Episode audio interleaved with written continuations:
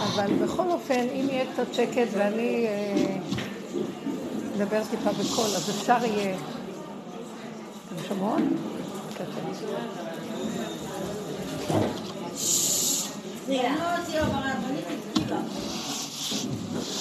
ערב טוב בנות יקרות, אני בלי רמקול, אני אנסה לדבר בקול ובאופן טבעי זה כמובן המאמץ תמיד שוקע, אז מנסים להשיג איזה רמקול. אז בכל אופן, תודה שהזמנתם אותי.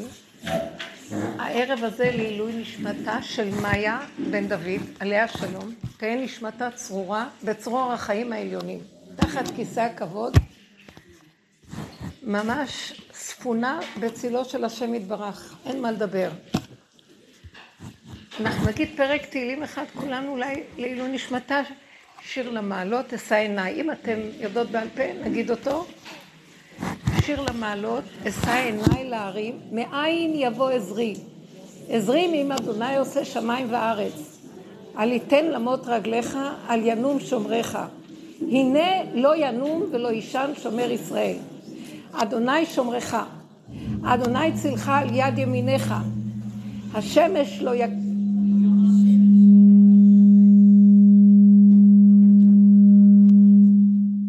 יומם השמש לא יככה וירח בלילה. אדוני ישמורך מכל רע ישמור את נפשך. אדוני ישמור צאצך ובואך מעתה ועד עולם. יחד עם כל חיילי ישראל היקרים, מתי ישראל, כל צדיקי עולם, ממש אין מילים לדבר. אה, אני לא יודעת, אבל זה, אפשר להתחיל להגיד, מאת השם הייתה זאת, היא נפלט בעינינו.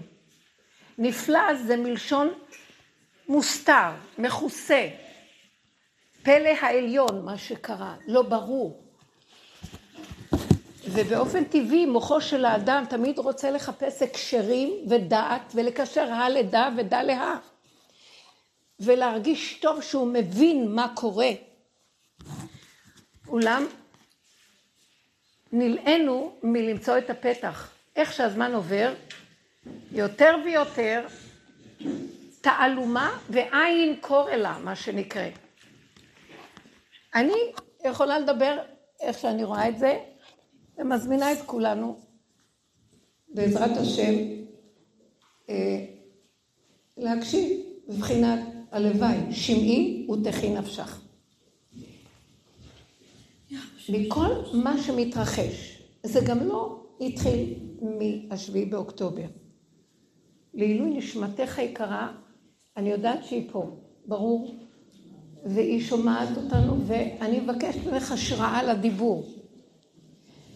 יש רשות, הנשמות נמצאות פה, הן איתנו כל הזמן, בייחוד נשמות כאלה. גם נשמות החיילים שהולכים, הם נשמות שיורדים לעזור לשמור על הקיימים. יש שמירה. זה הכל עלילת דברים אחת גדולה, שקשה לנו בשכל הטבעי להבין אותה.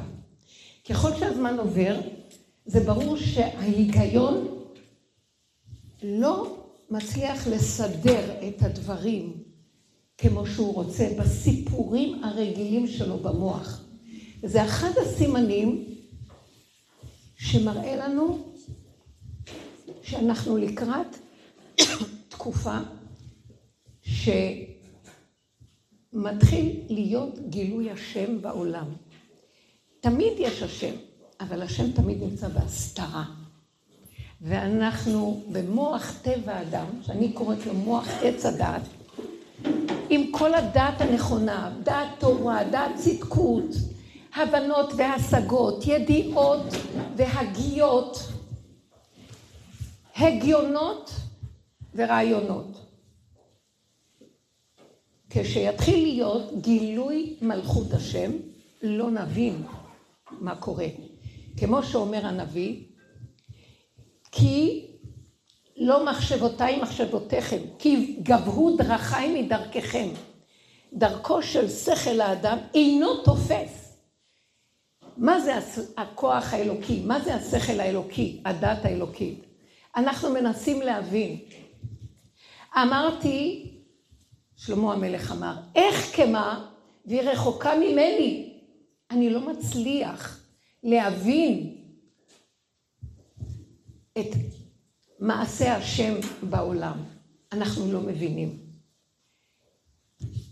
ובכוונה שזה ככה. אומר החכם, אילו ידעתיו הייתיו, אם הייתי יודעת את המהלכים שלו, אני הייתי הוא. אבל אני אדם, בשר ודם, והוא השם יתברך. נבדל ומופלא. ובמופלא ממך אין לך עסק, אין לך עסק בנסתרות. אבל ברור, למי שמתבונן והולך בעומק, זה לא רק מתחיל מה-7 באוקטובר, כבר התחלת הקורונה. גם כל מיני איתותים קודמים שקורים בכל מיני מאורעות בעולם, וברצף שהם קורים, בייחוד מה שקרה בקורונה, זה היה הס מפני השם בקומו לערוץ ארץ. הייתה תדהמה בעולם. שקט. תתכנסו. זה היה בפעימה גדולה שכל העולם הרגיש אותה. וזה היה אור מאוד גדול, קראו לזה הקורונה. ואני הייתי אומרת אז, זוכרת שדיברנו עם התלמידות עוד לפני, עם החברות, זה מאור הכתר, קראון, קורונה מלשון כתר. ירד מאור אין סוף, גילוי. כן, הוא יורד למטה, היה בהתחלה המימות. אחר כך זה ייגנב לתודעת האדם, ויתחילו להתרחב בהגיגי מחשבות האדם. כן קונספירציה, לא קונספירציה, מה רוצים לעשות לנו, לא רוצים לעשות לנו, זה בני אדם, זה סוגים של אנשים רעים, יש כל מיני דברים קשים בעולם. אני יודעת, אבל אני לא רוצה להיכנס בזה. אני אומרת ככה, חבר'ה, אל תיכנסו בזה. אל תיכנסו, תזכרו את הרגע הראשון. זה הייתה הופעת הדו בסולם המוזיקה, דו רמי, של השם יתברך בעולם. אני פה. אני לא רוצה לקחת את זה לטבע. כי הטבע ישכח, ויתחילו מלחמות של בני אדם. כמו שזה תמיד אחרי שקורה משהו מדהים, וכולם בשקט ומזעזעים, מזדעזעים.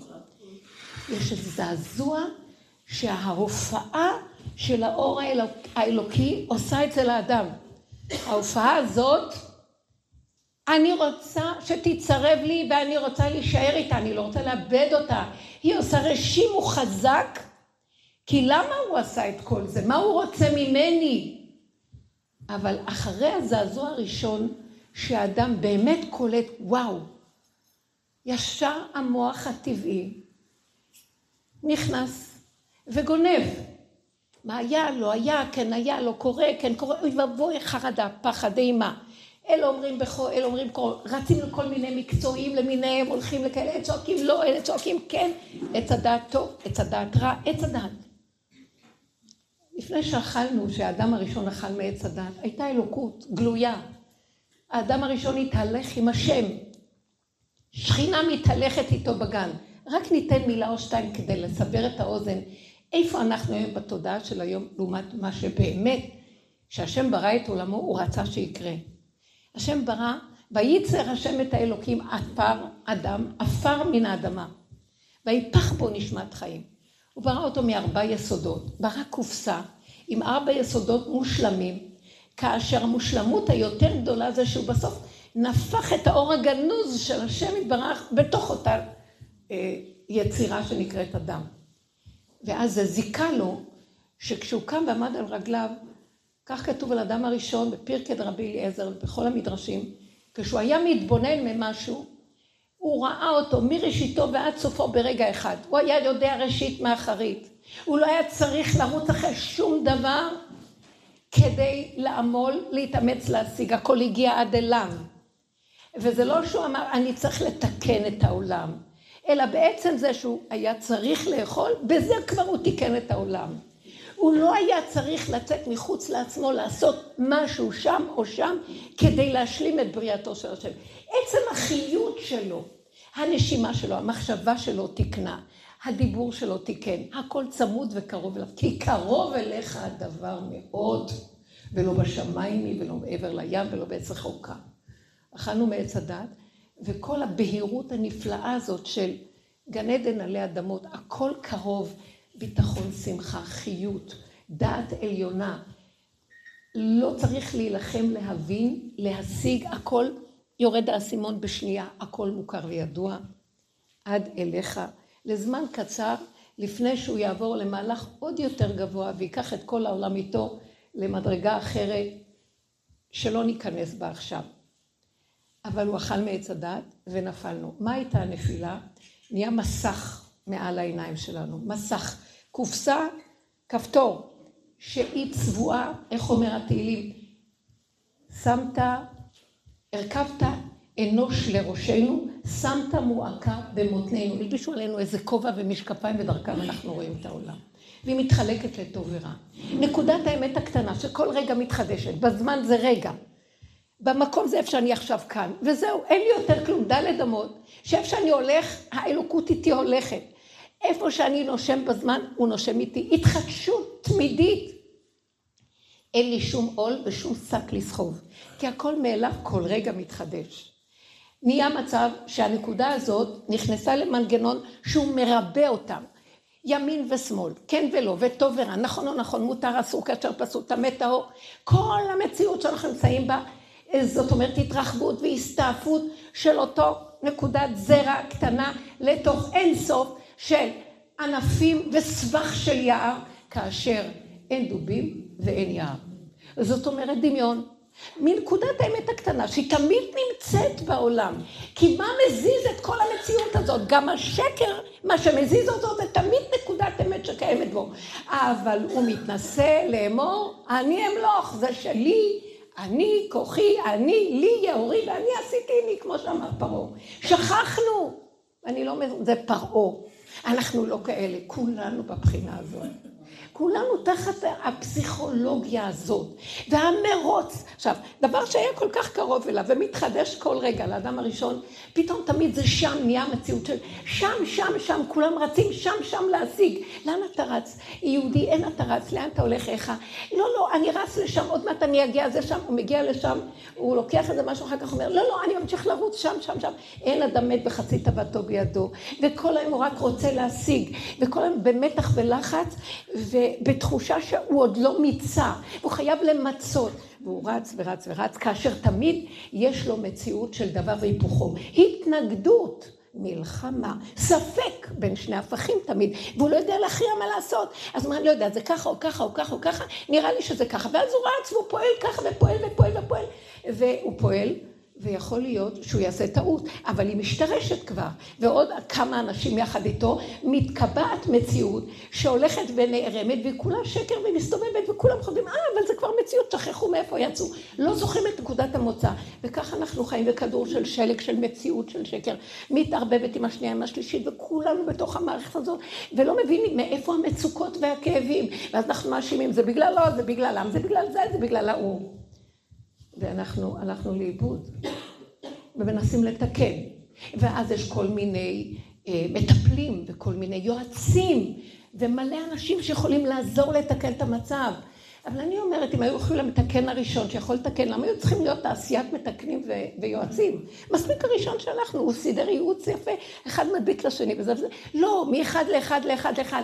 כי אה, זה שיטות, זה אפשרויות, זה ספקולציות. אולי כן, אולי לא. זה אחיזת עיניים. אנחנו בשקר, אנחנו חיים בתרבות של תרדמת. ובתוך התרדמת הזה עושים פעילות וכל מיני דברים. והאדם בתוך שינה, כאשר הוא לא רואה, הוא יכול לעשות שטויות, והוא לא שם לב, כי הוא לא רואה, ונדמה לו.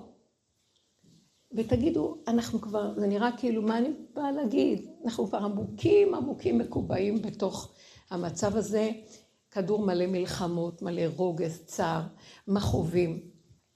אם זה היה בזמנו חולי של רוח, דעות והשגות וכל מיני, בדורות האחרונים זה חולי של נפש במידות, מידות כאלה וכאלה וכל...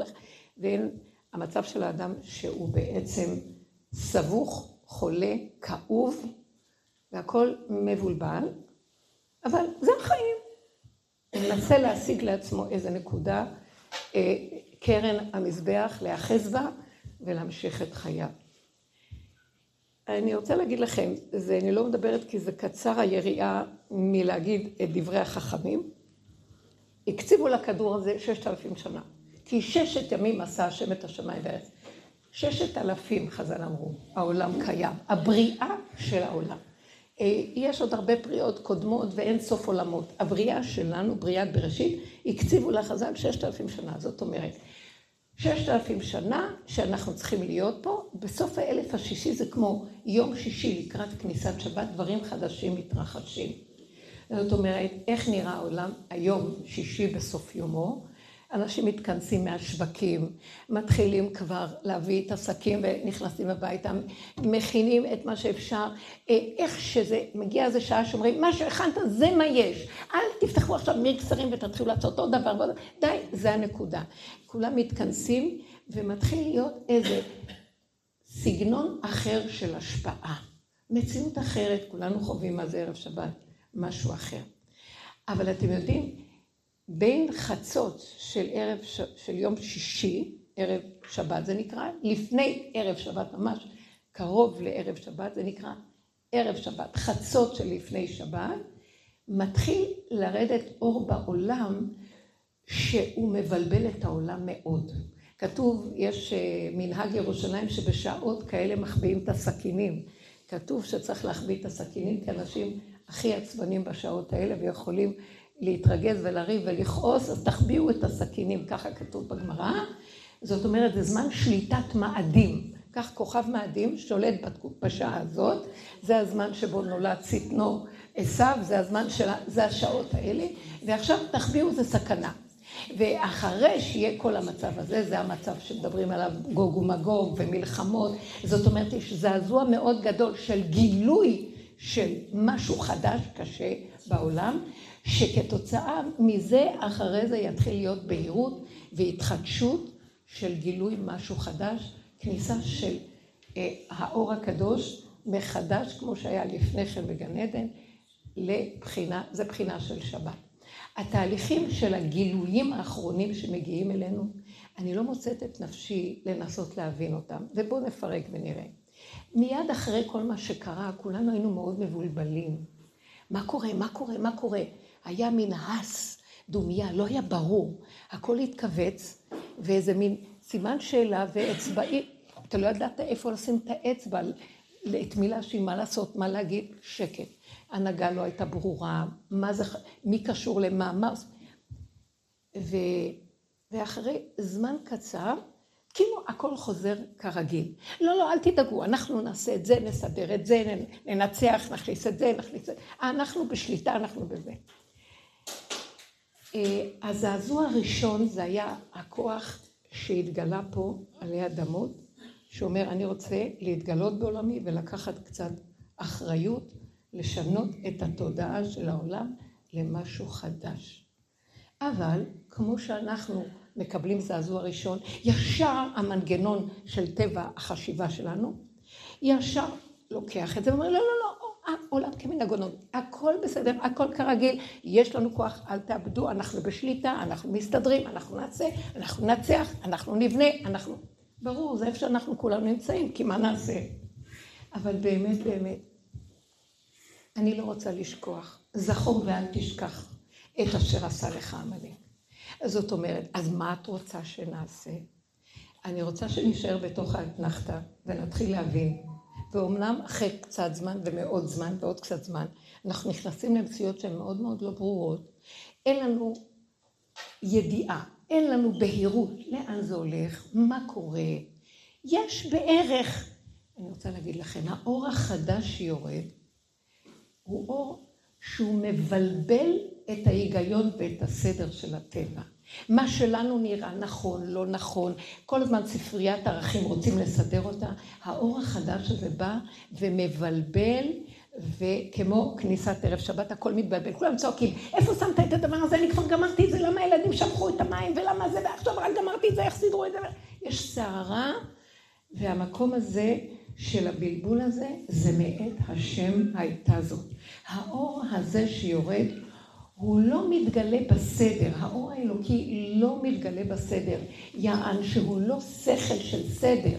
האור האלוקי, הוא נכנס, הוא מצב שחייב אי סדר, שחייב סתירת הבניין הישן על מנת להוריד משהו חדש. וזה יהיה מאוד קשה לאנשים שיעמדו פה ולא ידעו מה קורה פה. אבל רגע, רגע, זה לא הגיוני, אבל משהו כאן לא נראה בסדר. איך זה קרה דבר?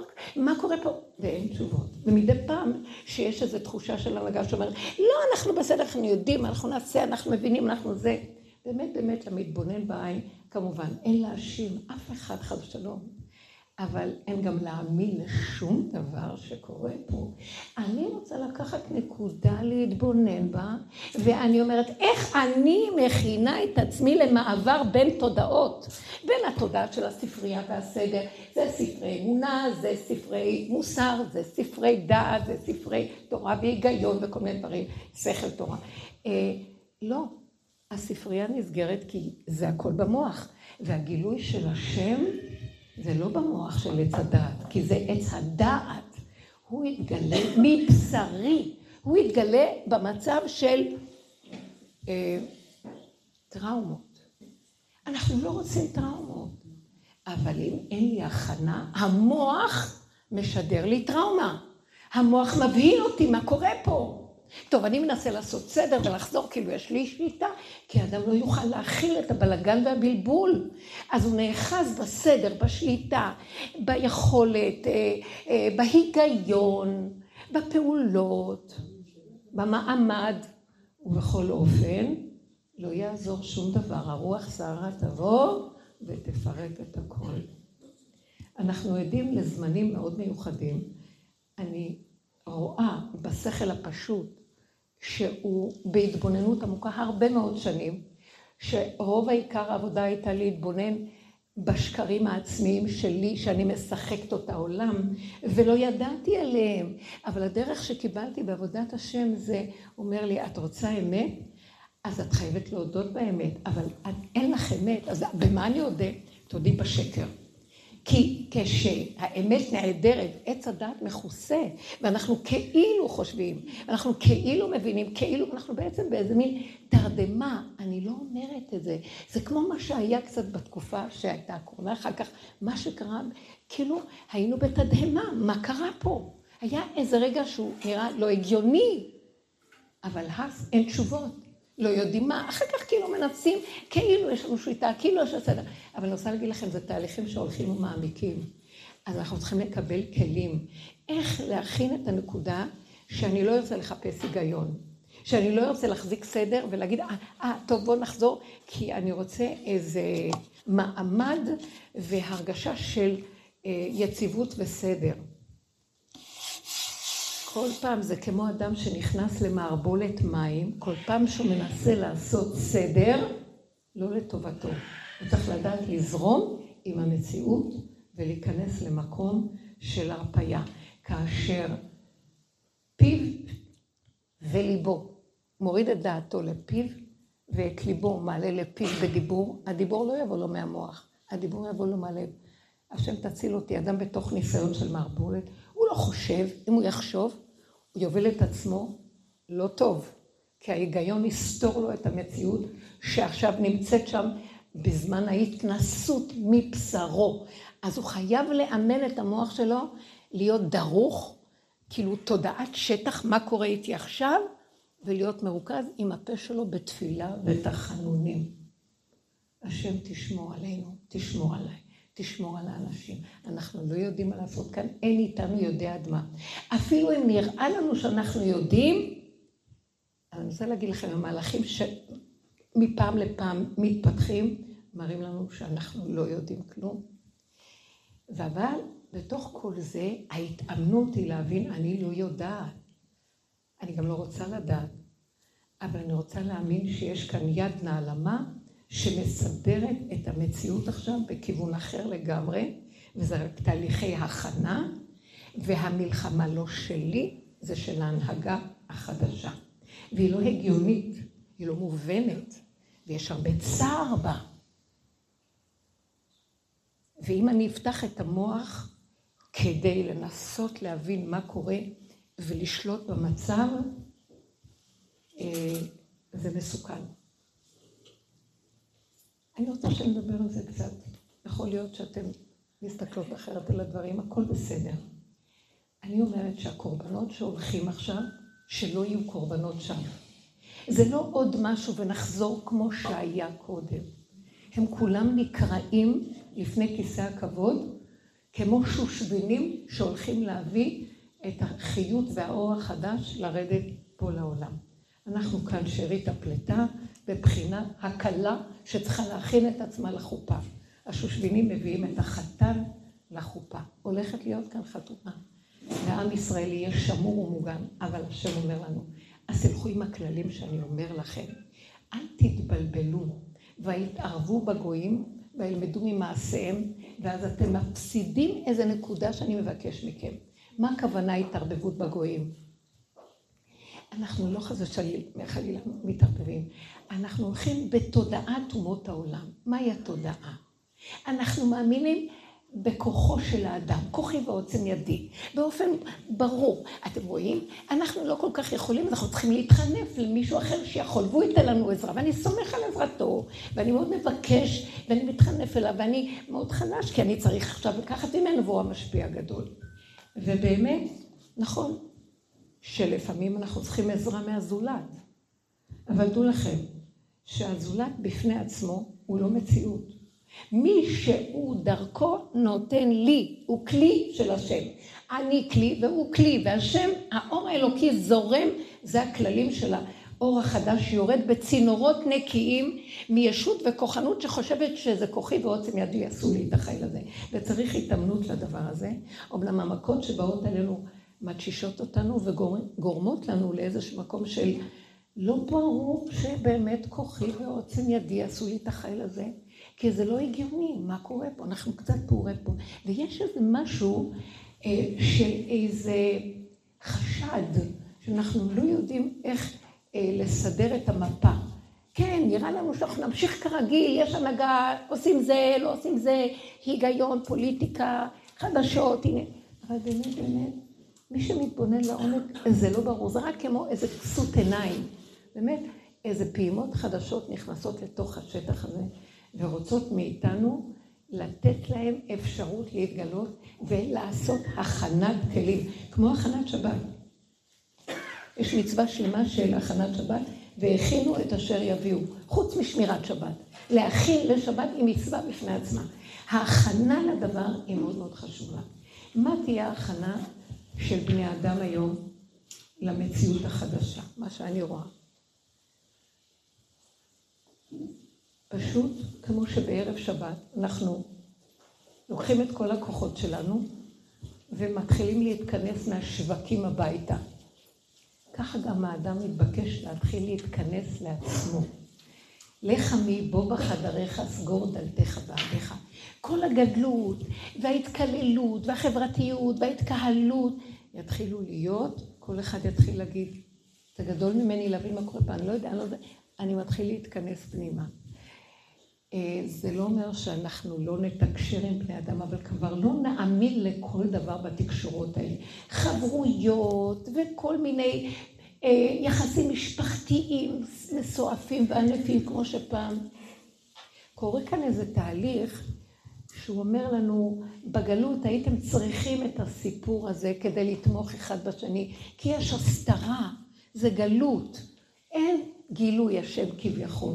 אבל לקראת הסוף שהוא מתחיל להתגלות, מי שמרים ראש הוא מפריע לגילוי. ההתרחבות הכללית וכל ההתכנסויות, אתם הולכים לאיבוד דרך זה, כי אתם שמים על זה את הדגש. הכלל יסדר, זה וזה יעשה. שאלו את אחד הגדולים לא מזמן, אם לעשות איזה כינוס גדול ולעשות אה, איזה עצרת עם גדולה וזה. אז הוא אמר, איש אמת גדול, זקן, הוא אמר, רבותיי, כל אחד יודע נגעה עצמו, תתכנסו פנימה לתוך עצמכם ותעשו תשובה בשקט. מעצמכם לעצמכם. כל אחד יראה נגעה עצמו.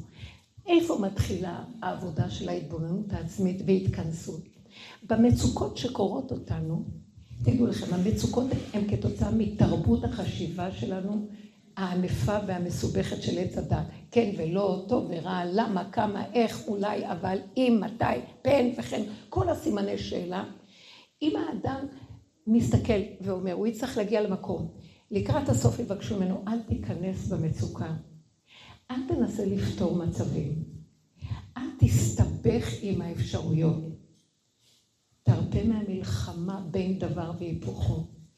אל תתנגד למה שקורה. אתה לא צריך להתערב עם זה, אבל תיסוג אחורה ותסתכל על הדבר, ולא חייב להגיב. לא חייב להביע דעה. איזה שטויות ההוא מדבר. איך הוא מתנהג. או שאני אגיד לו, ואני אראה לו מי צודק, או שאני, לא אכפת לי ממנו שום דבר. לא, זה לא או וזה לא או. פשוט אני מניח את זה איך שזה, בלי שיפוטים, בלי ביקורת, בלי אה, דעה, בלי הבנה, כלום, להניח את זה, זה לא קשור אליי. מתחיל להתגלות אור חדש שאומר, זה עולמי, תחזירו לי את עולמי. אתם בדת הקודמת שלכם גנבתם את עולמי, זה מה שעשה עץ הדת. כיסה על האור האלוקי ואמר, אתם רוצים להיות כמו אלוקים? בואו נהיה כאלוקים, כאילו אנחנו יכולים. אנחנו כל הזמן במצב של כאב, ועוד מעט נעשה ועוד מעט נצליח, וככה האנושות מתגלגלת, כאילו יש התפתחות. תמיד ההתפתחות, אם היא קיימת, היא רק כאילו. יש התפתחות טכנולוגית, היא של השם, לא שלנו. הוא נותן את השכל. אבל התהליך שאנחנו מחשבים שהעולם מתפתח, וגם מדרגת האדם, ברגע אחד השם יכול להציף את השלילה והרוע כאן, מה שיכול לקרות בכדור הזה, שלא, שלא נבין איך כדור כזה נאור יוצאת ממנו שלילה כל כך מזעזעת. טוב, זה לא אני, זה הרעים. אז הוא אומר לי, תקשיבי, נכון ששם את רואה את הרוע, אבל גם בתוכך יש שורשים של רוע. זה לא שם. שם זה קיים, זה יצא החוצה, אין לזה שליטה, זה הפקרות, זה רשעות. אבל את יודעת שהשורש מראש ולענה של כל מה שקורה בעולם תמיד יכול לצאת פתאום ואף אחד לא ישים לב. איך צמח היטלר כזה? איך קרה שנקודה כזאת של רוע פתאום צמחה ויצאה בצורה של בלתי ניתנת? וכל מיני כאלה. אז אתם אל תתהלכו בכזה יהירות שאתם מסודרים בני תרבות, ואתם כבר ממש, כי ברגע אחד יכול לצוץ מקרבכם. קחו אחריות כללית. ותתכנסו פנימה ותתחילו לעשות תשובה ברמה הפנימית של עצמכם. אתם לא צריכים חלילה לעשות קשים כדי לראות את הרוע. מספיק שאני יושבת פה וחושבת על בן אדם שלילה, ואני אסבול, או שאני מקנאה בו, שאני שונאת אותו, או שיש לי עליו ביקורת נוראית, או שאני אורבת באיזשהו צד לנצח אותו בנקודה. זה זרע של רשע. זה מקנן בתוכי כל אחד ואחד נקודה. בין אדם לחברו קרוב אליו, בין אדם, בין הורה לילדו, בין איש לאשתו, בין אישה בין אדם לחברו. יש כל כך הרבה נקודות שאני לא רוצה להיות צודקת, כי הצדק מכסה ולא נותן לי לראות את האמת. מה האמת? תראי איך את כועסת. טוב, אבל הוא אמר לי, הוא אמר לי דבר שמאוד פגע בי. הוא אמר דבר שפגע, אבל תראי איך את מגיבה. נפגעת, יורה חיצים, לא יכולה לסבול. למה את מתנהגת ככה? נגע בך משהו? מה שעכשיו אמרו נגע בך? כי אם באמת לא היה לך את הדבר שהוא אמר, מישהו מבין שפה, את מבינה את השפה שלו, מה שהוא מבין בפנים, אבל אם אדם מבין את השפה שלו, הוא מתרגש? לא, הוא לא מתרגש, לא מבין. אז תסתכלי על מה שקורה בפנים. ככה יתחיל המהלך של ההתכנסות הפנימית והתשובה שנהיה נדרשים לפני הגילוי הגדול. והתשובה הזאת, כתוב שאליהו נביא לפני בוא משיח, יבוא להורות לנו להשיב לב אבות על בנים, לב בנים על אבותם. שכל אחד יתבונן בעצמו, לא אבא צריך לחנך את הילד, הילד מראה לאבא איפה הוא צריך לחנך את עצמו. גם לא הילד אה, יבוא בטענה על, גם ילדים קטנים צריכים לעשות תשובה. על האבא שלו וככה אלא הוא יסתכל ויראה את ההפקרות שלו, את הטענות שלו, את האין סוף אה, רצון לקבל ולא לתת כלום. האדם יצטרך להתכנס בדלת אמותיו ולהתבונן, ממש כמו יום הכיפורים, שכל אחד בדלת אמות עומד ומתוודה את חטאותיו לפני השם, ולא את החטאות של השני. זה המהלך של ההתכנסות הפנימית. עושה דבר מאוד מאוד גדול. קודם כל האדם מתחיל להכיר מי הוא ונבהל, ונהיה לו שפלות, גדלות האדם, והחשיבות שלו מתחילה ליפול, למה מי אתה בכלל? דבר שני, ברגע שהוא מתכנס פנימה, הוא משחרר שטח של אנרגיה, של יציאה וגדלות וחשיבות, שהיא לאור החדש להתגלות. אנחנו צריכים להתכנס ולפנות שטח חלל פנוי כדי שיהיה גילוי. זאת עבודה מפחידה. אנחנו מוצאים את עצמנו, אולי אנחנו מכירים את הכללים האלה, אולי לא, אבל הדבר הכי גרוע בתוך כל זה, זה שנראה לנו שעולם כמנהגו נוהג, ואנחנו במוח שלנו מנתחים מה קרה פה ומה קרה שם. ראש הממשלה אמר ככה, ואלה אמרו ככה, ומה עושים עכשיו שם, ואנחנו מנתחים, אנחנו מאוד אחוזים במה יגידו לנו, ונראה מה קורה בעולם, כמו איזה משחק שמשחקים לפנינו, ולנו יש מה להגיד בתוך הסיפור הזה.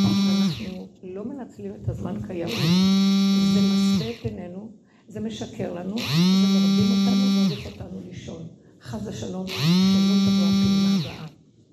הוא רוצה אותנו בהתעוררות, בהתכנסות, בלך דומי בהתבוננות אמיתית, ולהרים מדרגה פנימית אחרת, שכשאדם עומד ומכיר את נגעי עצמו, אגו שלא כל כך רוצה להודות בנקודות האמת שהן כל כך שליליות, זה שובר אותו. כשהוא מוריד את הראש והרצון להגיד את האמת עולה על הכל, אין קורבן יותר גדול מזה. אם היינו עושים את זה, לא היו צריכים ללכת כל כך הרבה אני לא באה להגיד שום דבר, אבל תדעו לכם, כשכל אחד מתחיל להתכנס פנימה, זה וחימה. יש איזה, כשהאור של האמת מתחיל להיכנס לתדר שלנו, כל כך הרבה אנחנו אפילו לא יכולים להתעזר, אני לא מדברת על העולם החיצוני, בתוך עצמי. רגע, רגע, אני רואה אותם בדקויות. קיבלנו כל כך הרבה כלים, את השיעורים כל כך הרבה שנים. להתבונן בנקודות דקות, האדם מתחיל להצטמצם פנימה, והוא כבר לא סומך על כוחו וגם הוא מפחד מהיצרים שלו ומהכוח הזה שהוא רגיל להוציא, כאילו, שלום עליי נפשי. ואדם כזה, כי איפה שאדם דן את עצמו למטה, לא דנים אותו למעלה, כי הוא פותח בדין, הוא אומר, נכון, כשאתה עומד ליד השופט, שלא נעמוד, ואז זה מרצה את טענותיו, זה מרצה וזה מתקיף את זה, כשאחד מהצדדים פתאום עומד ואומר, נכון, אני מוכרח להודות, נקודת אמת בדבר הזה. מוצא חן בעיניו שאדם זה ואז דינו אחר לגמרי. אנחנו שההתכסות וההתנצחות, הווכחנות והרצון להראות שאנחנו צודקים ואנחנו יודעים, לא יעמוד לנו למהלכים המאוחרים שהולכים להתגלות קודם לאור החדש שיגיע זה עשיית תשובה. זה התכנסות, זה הודעה באמת. שתהא גרועה ככל שתהא. שהיא שקר, אבל זו האמת שלי כרגע. היא משכחת חרון נותנת שיתגלה פה אור חדש, והוא יעשה לנו את המלחמה.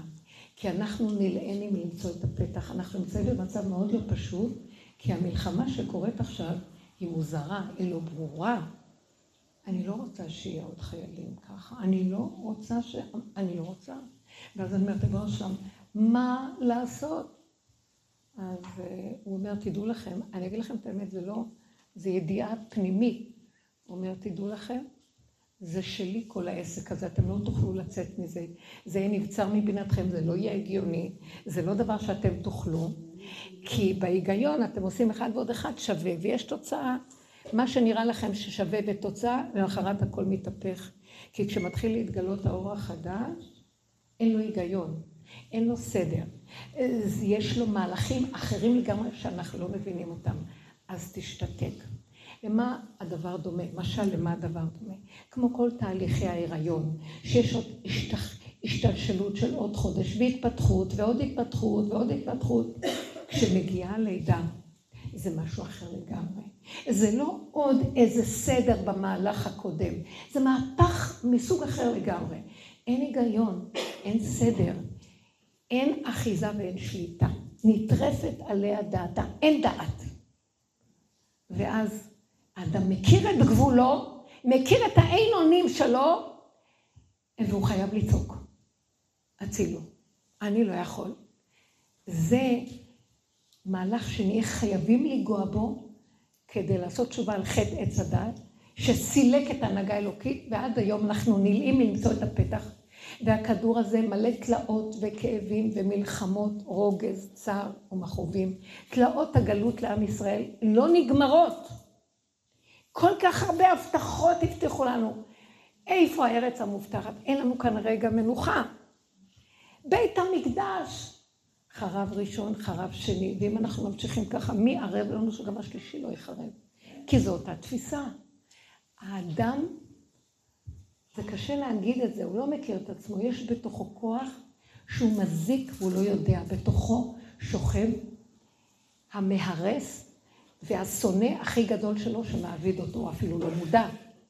מהרסייך ומחריבייך ממך יצאו. ואנחנו מבקשים רחמים. הוא רוצה לעורר אותנו ולהגיד, מה אתם חושבים, ששם המלחמה? תסתכלו על עצמכם ובתוככם. תעשו תשובה פנימית. אתם לא מבינים. אחד שעובד נכון זה לוח הבקרה שלי. הוא לוחץ על הנקודות שלו ומדבר אליי. זה נותן לי כוח במלחמה שם רחוק, שהמהלך יהיה אחר לגמרי. וזה תדרים אחרים, לא מה שאנחנו רגילים. כאילו יצויר. שאין לנו כלים, ואנחנו עוד ממשיכים התודעה הזאת. האור הגדול הזה, החדש, צריך לבוא כי זה הזמן שלו, זה לא יעזור. התינוק חייב לצאת, הראש חייב לצאת, הלידה חייבת להתבצע. אבל אנחנו לא נוכל להישרד, כי זה אור שלא יהיה לנו כוח להכיל אותו, זה כמו אור אטומי, שאם אין לנו כלים להכיל אותו, אז אנחנו נתפוצץ, כולם יהיו ניזוקים. בגאולת מצרים כתוב שהשם פסח על מצרים ודילג בחיפזון כשהוא בא לגאול את ישראל ממצרים. ושאלו החכמים את השאלה, למה בחיפזון? למה אלוקות שבאה לגאול צריכה בחיפזון ובדילוגים ובמהירות, בבהילות יצאנו ממצרים, אנחנו אומרים בהגדה של פסח. איך זה קרה? מה קרה שם? כי מאחר ולא היו כלים, זה היה תחילת הדורות, לא היה מעשים, לא היה תורה, לא היה אה, הסבל והצער של כל הגלויות של עם ישראל, לא היה תהליכי הכנה, כשירד האור הגדול הזה על מצרים, שירסק את המצרים, הוא ירסק, אבל הוא גם ירסק את היהודים. כולם יתרסקו. אז היה חייב לעשות את הדילוגים והקיפוצים במהירות, כדי שהאור הזה לא ישאיר רושם של חורבן בעולם. זה אור לא. זה סותר את תודעת עץ הדת שאנחנו חיים בה. והסתירה הזאת, היא עושה זעזוע.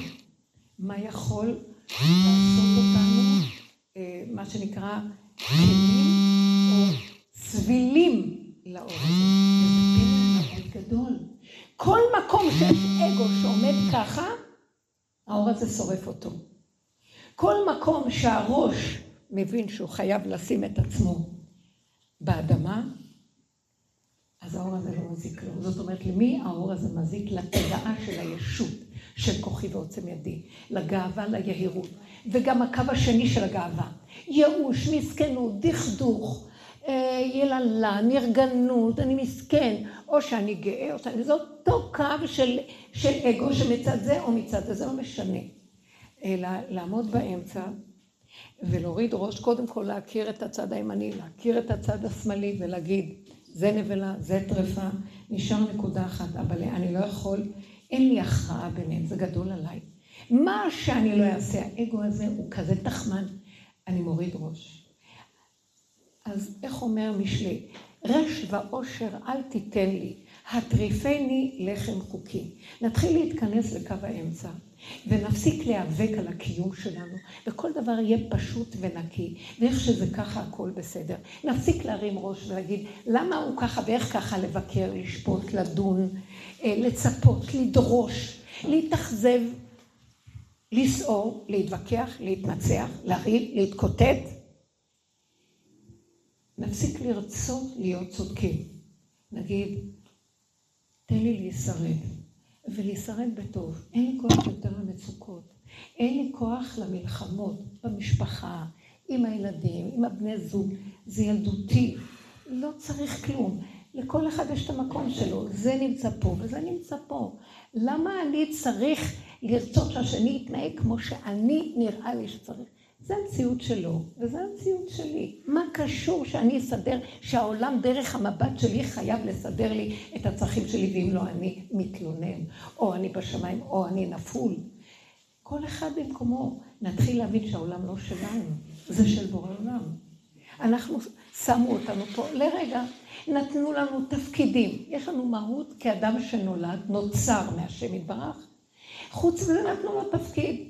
לאישה יש תפקיד של בת להורים, ואישה לאיש, ואימא לילד.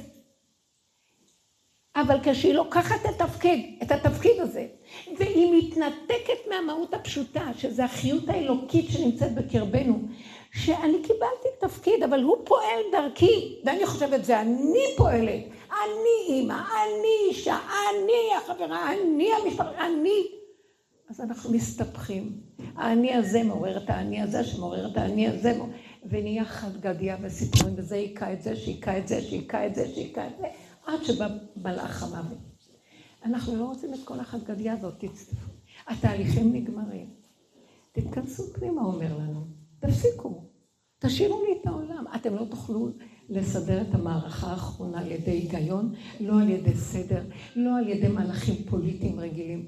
אני אומרת לכם דבר, נטע ונך זה. אני לא צריכה להיות צודקת כלום, אבל זה ברור, מי שמתבונן ברור. זה המצבים האחרונים שהוא רוצה, תצילו את עצמכם. תתכנסו בתוככם. זה לא אומר שלא נהיה בעולם. לא, עולם כמנהגו נוהג.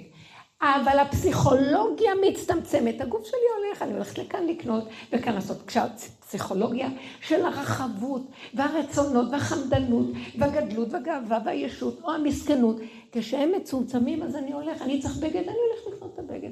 אני צריך נקודה, אני הולך לקנות את הנקודה. אני לא רוצה לבלוע את כל העולם. אני לא בדרכי, צריך גם את זה ללכת בעול. הכל מתחיל להיות מצומצם, מרוכז, קטן, הכרחי, מה חשוב? האדם מתחיל להבין שהברכה מצויה איפה שהוא נמצא הרגע. איזה עשיר, שמח בחלקו, יש לך מה שאתה צריך עכשיו, טוב לך. למה לי לדאוג? למה לי להיות חתום על חובות ועל חשבון? כי אני רוצה עוד ועוד ועוד, כי אין אדם מת וחצי תוותו בידו. מה יש לי? יגיד לנו, תכינו את עצמכם, תתכנסו. בעולם החדש, שבו איש תחתיו. אתם תשבו, זה פסיכולוגיה של בשב ואל תעשו שבת. והכל יגיע אליך בכבוד, בן מלך אתה. מה, קצרה ידי מלהושיע ולתת לכם מה שאתם צריכים?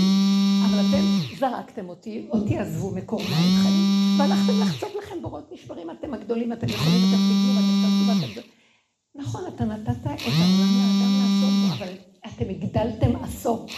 אתם התגברתם והתגדלתם על עצמכם, והזעזוע שאני עושה זה די, כמו די, לא יכול יותר. אבל אנחנו צריכים לדאוג לעצמנו. חבר'ה, תדעו לכם, יש קריאות פה שחוזרות על עצמן כמה וכמה פעמים.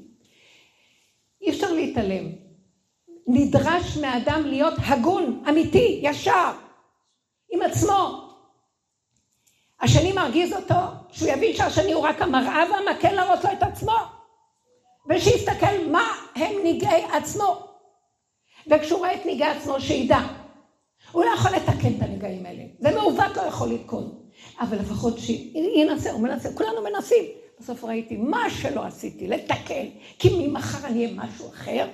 חזר עוד פעם, שום דבר לא עזר. אבל כמובן, אנחנו מאופקים, זה לא יוצא, הרשות לא יוצאת החוצה, אבל האדם יודע ניגע עצמו, והאדם מחפש שלמות בנפשו, אז הוא כאוב איך הוא רואה את עצמו איכשהו. בסוף למדתי, כן, אין שלמות, את חיסרון אחד גדול. אה, קוראים לי שולמית. וכשרק התחתנתי אמרתי לבעלי, אתה יודע למה, מאיפה השם שולמית נגזר? מלשון שלמות. כי זה שם שנגזר משלמות. ההוא רק שמע ככה מאז ועד היום. הוא לא שוכח לי את הדבר הזה. ואני הייתי, התפלאתי, למה? כי יש לי תמיד הנטייה לשלמות בכל דבר. כל כך הרבה עבודה, כל כך הרבה זמן. תשש כוחי, אני כבר 400 שנה גרה פה בעולם, ולא הצלחתי להגיע שום שלמות. ראיתי. אני שלמות החיסרון. אני לא מתביישת להגיד את זה. אבל אם אני אגיד את זה לעולם, יגידו לי, השתגעת?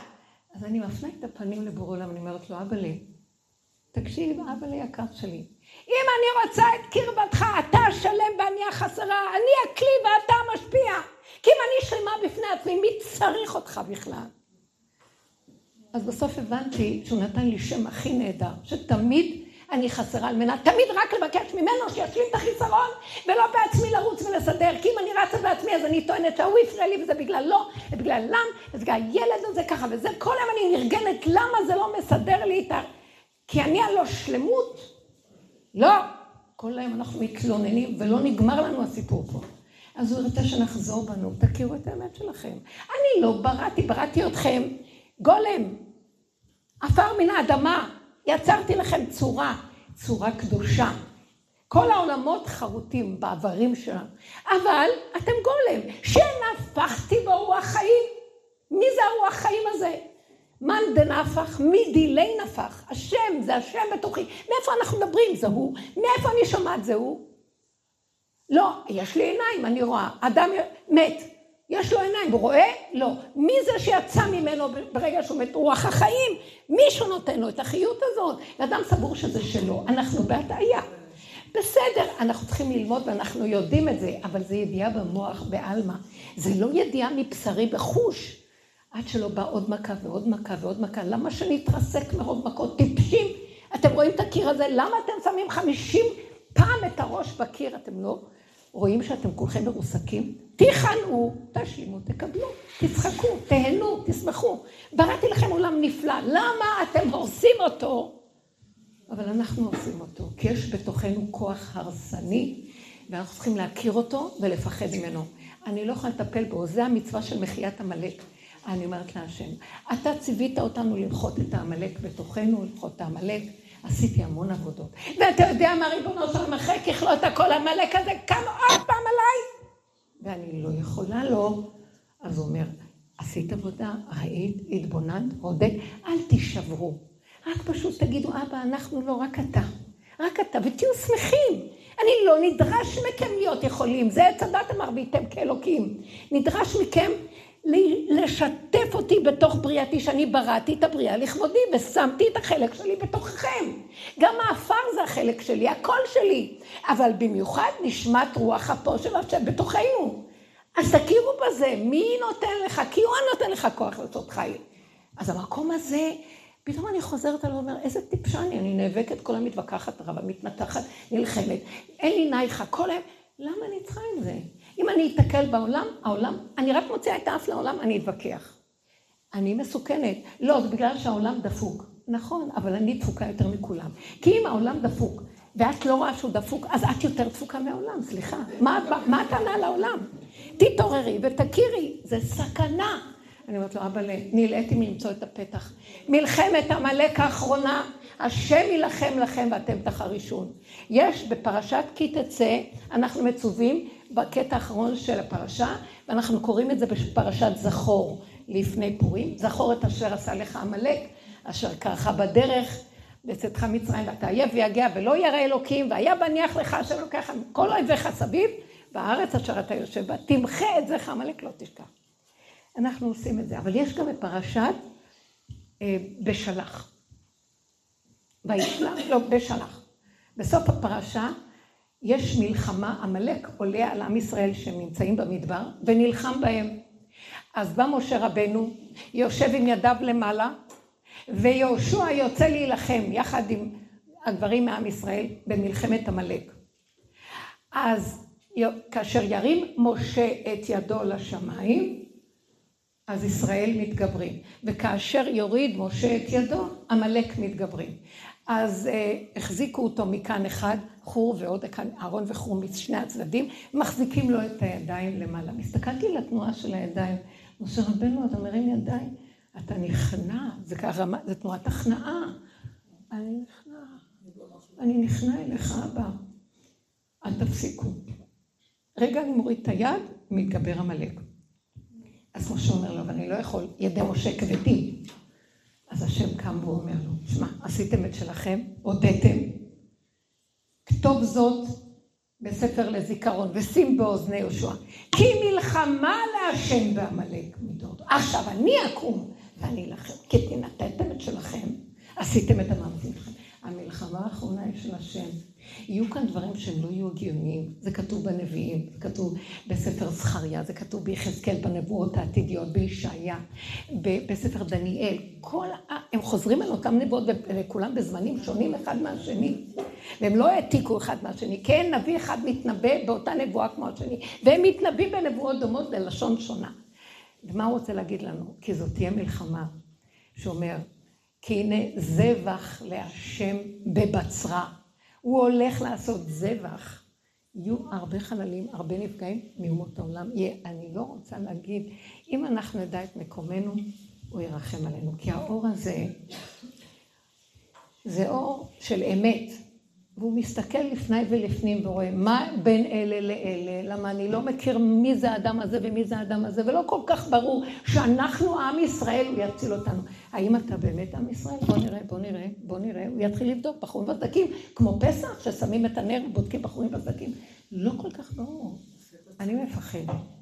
אשרי אדם מפחד תמיד. אני מפחדת, מפחדת על בני משפחתי, מפחדת על החיילים, אני מפחדת על ישראל, אני מפחדת. אני אומרת לו, אבא, תרחם עלינו. יש לי אמונה וידיעה שמה שאני אומרת זה אמת. עכשיו, חוץ מזה, כן, אנחנו צריכים לתת את חלקנו. חלקנו, דבר ראשון, א', לא לתת למוח לשכוח ולרוץ כבימים ימימה עם השכל האנליטי והידיעה והתקשורת, ומה זה אומר ולא אומר וכן אומר. אני לא רוצה להגיד על אף אחד כלום. אה, זה לא שלי. זה, אני לא רוצה להתערבב בזה, כי אנחנו כבר ראינו, זה מוליך לפה וזה מוליך לפה, ואין ימין, ימין יודעת לשמאל ויום ויום אחד זה אומר ככה, והשני מחר קם ואומר את הדבר ההפוך. ולי, אני הולך אחרי, ונראה לי שאני לא רוצה ללכת אחרי אף אחד. אני לא רוצה כבר ללכת אחרי אף מנהיגים. אני לא רוצה אני, אני, אלא הכוונה נקודת האמת, אומרת, אני לא רוצה ללכת אחרי אף אחד. הכל כאן מכזב, לא ברור, אני גם לא באה בטענות. זה רוח שמבלבלת את כולם, זה לא הם. אז אני אומרת, טוב, תכבדי.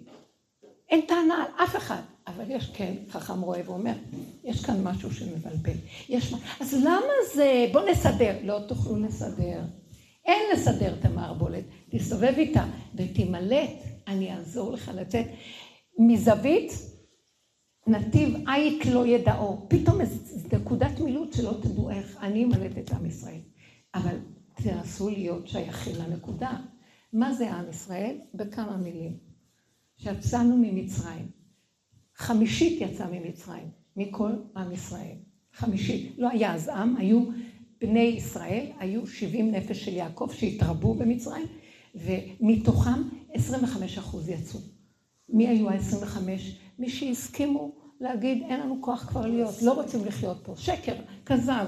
היו גם כאלה מאוד עשירים, מאוד מוצלחים, שהיו, כתוב בגמרא, אה, ושאלה אישה מביתה ומשכנת, מגרת, משכנתה ומגרת ביתה, אמרו, מה זה גרת ביתה? שהם היו נשים חשובות, והיו עובדות במלכות פרעה, והיו להם בתים, והיו מזכירות אותם, עשו עסקים מאוד יפים, והיו מאוד עשירות. אז היה להם מעמד ועמדה, לא כולם עבדו בפרך אצל פרעה, כן? אה, פרך יש לזה הרבה ביטויים, מה? אבל בכל אופן, אה, היו כאלה שאמרו, למה לנו? לא, אנחנו אוהבים טבע, עניין, הולך לנו, מסתדר לנו. השם ליקט את האנשים, שכמו שכתב ישעיה הנביא, ושח גדלות האדם, וגבהות הנשים תיפול, והאדיר בלבנון ייפול, והשם יגדע את רמי הקומה, והסירותי עליזי גאוותך מקרבך, והשארתי בקרבך עם עני ודל, וחסו בשם השם. העניים, הפשוטים, הטובים, אלה שבאמת רואים, לא, אני לא יכול, זה גדול עליי, אני צריך עזרה מכיוון אחר לגמרי. לא כוחי ועוצם ידי, ולא כל מה שנראה לנו אנחנו יכולים לעשות. והשם יעמיד אותנו במקום הזה, וכשאנחנו נרצה להתבלבל עם עצמנו, לא לטובתנו, הבלבול לא יוליך אותנו למקום נכון וחבל מאוד. אז המקום שלנו היא להכיר עם ישראל יצא ממצרים כדי להיות חלקו ונחלתו של הנהגה שמה היא רצתה ממנו. אתם המעט מכל העמים, אתם קבוצה קטנה, שאתם הדוגמית, מדגם המייצג, איך לאפשר שפה בעולם החשוך יהיה אור אלוקי דרככם, שתהיו אנשים של מוסר, אנשים של יראה, אנשים של טוב, של חסד, של עשייה, אבל בדרגות ובמימדים הנכונים שלא תתגדלו ותעלו ותעופו על עצמכם. תזכרו תמיד, כי הוא הנותן לך כוח לעשות חיל. וזה כל התורה בעצמה נותנת גדרים, כללים, יסודות, כדי שתגדור את עצמך ושתהיה בגבול גדר ומידה נכונים, שלא תחצו את הגבולות ולא תתגדלו פה ותשכחו מי עשה אתכם ולמה אתם פה. הביא אותנו לארץ ישראל. זה כבר היה אחרי המדבר. פעם ראשונה חרב הבית, חזרנו לגלות. עוד פעם בנו אותו, חזרנו. עוד פעם, חזרו לגלות פעם שנייה. אלפיים שנות זוועה, גלות, תלאות הגלות, שיעבוד מלכויות, צער, רוגז ומכאובים, חללים רבים מפילה. נשארנו מתי מעט שרידים, קיבוץ גלויות גדול שחזינו לפני מאה שנה, עוד עד היום, זה קיבוץ אחר קיבוץ. אנחנו באים לכאן לארצנו, ומנסים לבנות איזה מתיקות. אנשים מסרו את נפשם להתיישב פה ואין מנוחה. צוררים אותנו, לא נותנים לנו מלחמות, קורבנות, משפחות כאובות. איפה, איפה ההבטחה שלך, ריבונו שלום? מה, איפה אנחנו? אה, אחרי כל כך הרבה שנים, מה התחזית? אנשים רוצים ללכת לחוץ לארץ ונמאס להם, לא רוצים לגור פה. אז מה, זו התחזית של כל הקיבוץ גלויות? אז הוא אמר, קיבוץ גלויות בחוץ בגדלות הייתה. קיבוץ גלויות פנימה. קחו את הדעת שלכם, תקבצו אותה פנימה. קחו את הכוחות שלכם. קחו את כל הפסיכולוגיות ואת הישויות ואת כל המחשבות והסערות. תקבצו אותה פנימה. לך מבוא בחדריך. סגור דלתך בעדיך. תצטרכו לברר את עצמכם, לנפות ולברר. ושארית הפלטה היא תישאר בציון. והנותר בציון קדוש יאמר לו. חס ושלום, מה זה שארית הפלטה? אתה הולך לחסל את כולם? כך כתוב, שיישארו מתי מעט. מה הכוונה? ואז אני הבנתי, לא, מכל אחד יישאר מתי מעט. כל הבלבולים שלי יפלו לי, כל הרצונות והתאוות יפלו, כל מיני עניינים ומה אני חושב על ההוא ולא, ויפלו, הרבה דברים יפלו ואני אשאר קטנה. והשארתי בקרבך עם עני ודל. וחסו בשם השם. הפשטות, הקטנות, הדרגה של הכרה, איפה נקודת האמת? האמת היא נקודה קטנה, אמיתית, פשוטה, שמתחדשת כל רגע. מה אני צריכה את כל הסיפורים והספריות וכל הדיבורים וכל ההכרות, ובין ההכרה והידיעה וה... וההבנה וההשגה לבין המעשה, ברגע של ניסיון אני לא עומד בכלום. אה, זה לא אמת, זה הבנה, נראית לי כאילו אני מבינה. פסיכולוג, הולכים אליו, השיטה שלו לעזור לך להבין מה קרה לך. חוזר הביתה, חודש זה עוד עובד, אתה עוד בהשפעת ההבנה, עוד פעם זה חוזר. אז יש עוד פסיכולוג ועוד פסיכולוג, ועוד מטפל ועוד... לא, בין ההבנה לבין האמת, 500 שנה הבדל. אתם יודעים, צריך להשתלשל פנימה לאמת, לפשטות, להכנעה, לקבלה. אה, אנחנו צריכים מאוד לעבוד על הגאווה ועל היהירות. יש לנו הרבה יהירות, שאנחנו מדומיינים ועפים על עצמנו. אה, מי יעמוד לנו ביום הדין והתוכחה? אני לא חלילה צובעת שום דבר שחור, כלום. אני רק קוראת קריאה שכל הקורבנות שהלכו, הם קוראים לנו. מה, סתם אנחנו? תתבוננו, תעשו חשבון. מה אתם רוצים שיהיה פה? זה יכול, המון דברים יכולים לקרות, אנחנו לא רוצים שיקרה. כי אם האדם פותח בית דין קטן ומתבונן בעצמו ודן בשופט את נקודתו, והוא לא רץ על היהירות של לנצח ולהצליח ולהיות צודק ולהתקוטט וכל השאר, אז הוא מסיר חרון אף, כי הוא נכנס כבר מראש ומוכן להודות ומוכן לעבוד, אומר, זה מה שרציתי מכם, זה שמור. אתם שומרים, אתם שמורים, ואם אחד עושה ככה, עשר כאלה ישמרו על כל העם. זה מאוד מאוד... אה, האור הזה הוא היולי, הוא, יש לו תדר שהקצת שלו זה הרבה. וזה מה שאנחנו רוצים. וכל מה שאנחנו מדברים, לעילוי נשמת מאיה היקרה, וכל אותם חללים, שהלב נשבר רק לפתוח את המוח, להסתכל. אין אנחנו יכולים להכיל, זה בלתי ניתן להכלה. זה עוד זעזוע גדול שאנחנו מנסים לדחוק אותו, אפשר, אבל אנחנו עוד צריכים לפתוח ולהתבונן בו, אבל יש משהו בתוך כל זה שהשאיר לנו רשימו, והרשימו הזה זכור ואל תשכח. וגם עדיין ממשיכים כל מיני חללים ליפול, והלב פשוט נשבר, ואנחנו מבקשים מהשם, מה אתה רוצה? מה אתם יושבים מחכים? מתי החלל הבא? תיכנסו פנימה. תנו לי את הקורבנות מבפנים. מה הקורבן הנדרש? תן את הגאווה שלך, את העירות שלך. העליבו אותך, שתוק. אל תענה. תסכים. ובאותו רגע תגיד, שומע חרפתו וידום. אז השם ישמור שלא ייפול שם מישהו. אתם לא מבינים כמה שזה עובד בדרגה היולית הגבוהה? נקודה קטנה עושה רושם מדהים.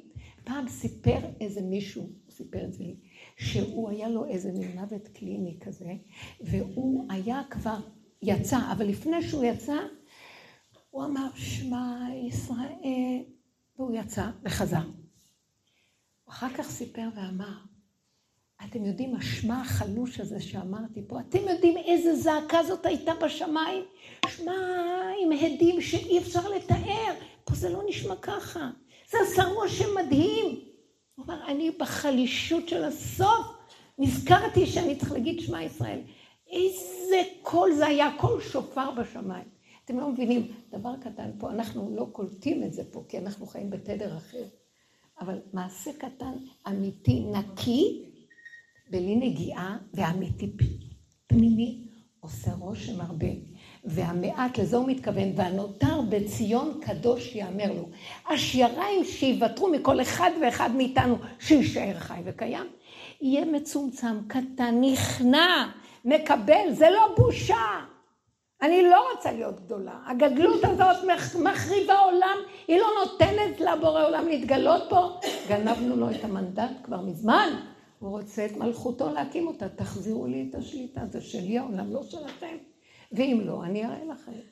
וזה המסר שלי, לעילוי נשמת מאיה יקרה. זה מה שיש לי תודה רבה לכם.